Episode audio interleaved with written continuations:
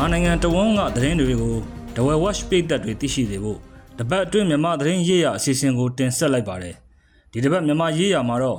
ဒီဇင်ဘာလ10ရက်နေ့ကနေဒီဇင်ဘာလ16ရက်နေ့အထိတပတ်တာအတွင်းအဖြစ်အပျက်တွေတဲကထူးခြားဖြစ်စဉ်တွေကိုကောက်နှုတ်ဖော်ပြသွားမှာပါဒီအစီအစဉ်ကို The Well Watch ဝိုင်းတော်သားတွေကစီစဉ်တင်ဆက်ထားတာပါမြန်မာနိုင်ငံဟာအာဖဂန်နစ္စတန်ကိုကျော်ပြီး ကမ္ဘာမှာဘိန်းထုတ်လုပ်မှုအများဆုံးနိုင်ငံဖြစ်လာပါတယ်။ဒီနှစ်မှာမြန်မာနိုင်ငံရဲ့ဘိန်းထုတ်လုပ်မှု36ရာခိုင်နှုန်းတိုးလာပြီးတစ်နှစ်အတွင်းတန်ပေါင်းတစ်ထောင်ကျော်ထုတ်လုပ်ခဲ့တယ်လို့ကုလသမဂ္ဂမူရစ်ဆေးဝါးနဲ့ရာဇဝတ်မှုဆိုင်ရာယုံ UNODC ကဒီဇင်ဘာ12ရက်နေ့မှာထုတ်ပြန်တဲ့အစီရင်ခံစာမှာဖော်ပြလိုက်ပါတယ်။အာနာသိမ်းပြီးနောက်ပိုင်းမြန်မာနိုင်ငံမှာဘိန်းစိုက်ပျိုးထုတ်လုပ်မှု၃နှစ်ဆက်တိုက်တိုးလာပြီးဒီနှစ်မှာအများဆုံးဖြစ်လာပါတယ်။အာဖဂန်နစ္စတန်မှာမူရစ်ဆေးဝါးတားမြစ်ပိတ်ပင်မှုတွေကြောင့် ဘိန်းစိုက်ပျိုးမှုရော့ကျလာခြင်းလက်နက်ကင်ပြိပခပြင်းထန်နေတဲ့မြန်မာနိုင်ငံကတော့ဘိန်းစိုက်ပျိုးမှုတိုးလာနေပါတယ်။ဒါကြောင့်မြန်မာဟာကမ္ဘာမှာဘိန်းထုတ်လုပ်ဖြန့်ဖြူးရာမှာအဓိကဖြစ်လာနေပါတယ်။အာနာသိမ်းပြီးနောက်ပိုင်းမှာစီးပွားရေးကျက်သွားတာမလုံခြုံတာအုပ်ချုပ်ရေးရန်ရပြက်ပြားတာတွေကြောင့်ဝေးလံခေါင်တီးတဲ့ဒေသတွေကတောင်သူတွေဟာအသက်မွေးဝမ်းကြောင်းအတွက်ဘိန်းစိုက်ပျိုးလာကြတယ်လို့ UNODC ရဲ့အရှိတောင်အာရှကိုယ်စားလှယ်မစ္စတာဂျယ်ရမီဒေါက်ဂလတ်ကပြောလိုက်ပါတယ်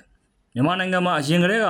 ဘိန်းထုတ်လုပ်မှုအများဆုံးဖြစ်တဲ့ရှမ်းမြောက်မှာပုံများလာသလိုကချင်ချင်းနဲ့ကရားမှာလည်းတိုးတက်လာတယ်လို့ဆိုပါတယ်အခုနှစ်မှာမြန်မာကနေဘိန်းဖြူအမေရိကန်ဒေါ်လာတန်း800ကျော်ကနေ1.2ဘီလီယံအထိကုန်ကူးခဲ့တယ်လို့လည်းအစီရင်ခံစာမှာဖော်ပြထားပါတယ်စစ်ကောင်စီနဲ့တွေ့ဆုံဆွေးနွေးမှုသတင်းတွေပေါ်ပြည်သူတွေစိတ်မပူကြဖို့မြောက်ပိုင်းသုံးဘွဲကတုံ့ပြန်ပြောဆိုလိုက်ပါတယ်။မြောက်ပိုင်းညီနောင်မဟာမိတ်သုံးဘွဲဖြစ်တဲ့ကိုကန့်တက် တအောင်းတက်ရခိုင်တက်တာဝန်ရှိသူတွေနဲ့စစ်ကောင်စီတို့ဟာတရုတ်နိုင်ငံရဲ့အကူအညီနဲ့နိုင်ငံရေးအရတွေ့ဆုံဆွေးနွေးခဲ့တယ်လို့စစ်ကောင်စီဘက်ကဒီဇင်ဘာလ17ရက်နေ့မှာထုတ်ဖော်ပြောဆိုလာတာပါ။ဆွေးနွေးမှုတိုးတက်မှုပေါ်မူတည်ပြီးဒီဇင်ဘာလကုန်မှာလည်းထပ်မံဆွေးနွေးသွားဖို့ရှိသေးတယ်လို့ဆိုပါတယ်။အဲ့ဒီလိုထုတ်ဖော်ပြောဆိုပြီးနောက်တရက်မှာပဲမြောက်ပိုင်းအဖွဲ့တွေကအခုလိုတုံ့ပြန်ပြောဆိုလိုက်တာပါ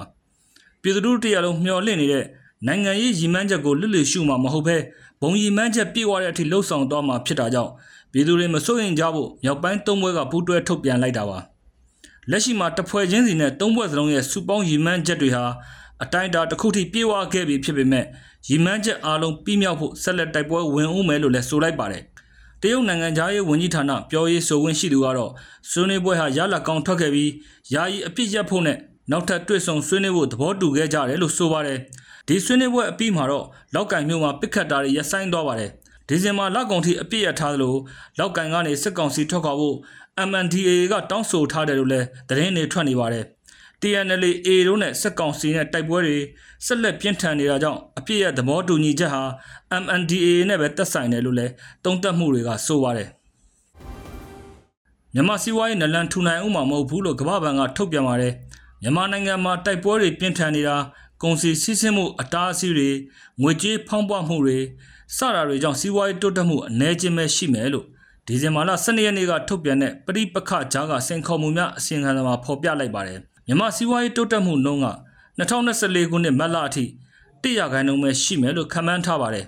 စီးပွားရေးလုပ်ငန်းတွေလက်ပတ်နှံရွှမ်းကျဆင်းသွားပြီးစီးပွားရေးအခြေအနေဆိုးလာတဲ့အတွက်အခြေခံလူရန်စားတွေပုံမထိခိုက်ခံစားနေရတယ်လို့လည်းဆိုပါတယ်။ ဝင်ငွေတွေကိုလည်းစားတောက်ကုန်အတွက်ပဲအဓိကသုံးနေရတယ်လို့ဖော်ပြပါတယ်။လျှက်စမီပြတ်တောက်တာမလုံခြုံတာအလောက်ကန်ရှားပါတာတွေကလည်းကြီးမားတဲ့စင်ခေါ်မှုတွေလို့ဆိုပါတယ်။လက်နက်ကင်ပရိပခတွေရပ်ဆိုင်းသွားရင်တော့2025အထိစီးပွားရေးနှိကွေးနေဦးမယ်လို့လည်းသုံးသပ်ထားပါတယ်။2019နဲ့နှိုင်းယှဉ်ရင်မြန်မာစီးပွားရေးက10ရာခိုင်နှုန်းလောက်နှိမ့်ကျသွားပြီးကိုဗစ်ကပ်ရောဂါမတိုင်ခင်စီးပွားရေးအခြေအနေကိုပြန်မရောက်နိုင်သေးတဲ့တခုတည်းသောနိုင်ငံလို့လည်းဆိုပါတယ်။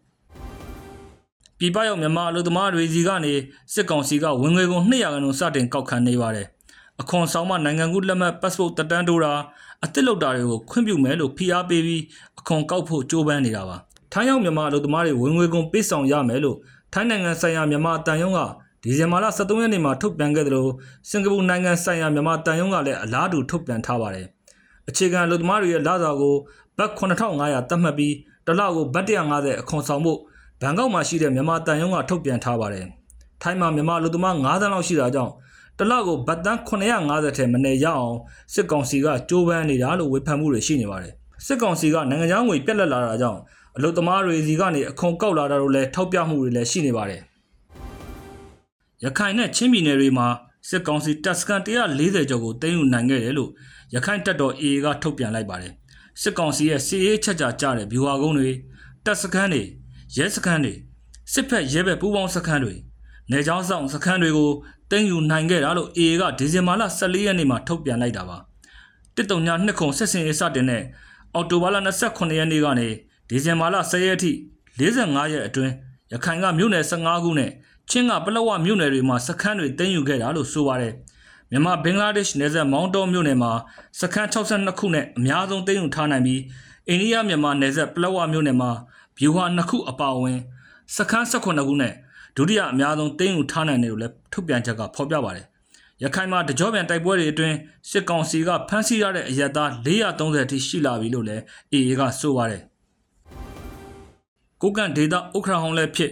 ကြန့်ခိုင်ရေးပါတီလွတ်တော်အမတ်ဟောင်းလည်းဖြစ်တဲ့ပယ်ဆောက်ချိန်အပါအဝင်10ဦးကိုတရုတ်နိုင်ငံဖမ်းရန်ထုတ်လိုက်ပါတယ် ပယ်ဆောက်ချိန်ရဲ့သားကိုကန်ပြည်သူစစ်ခေါင်းဆောင်ပယ်ရင်ချန်နဲ့ပယ်ဆောက်ချိန်ရဲ့တမိဖြစ်သူတို့လည်းဖမ်းရန်ထုတ်ခံထားရပါတယ်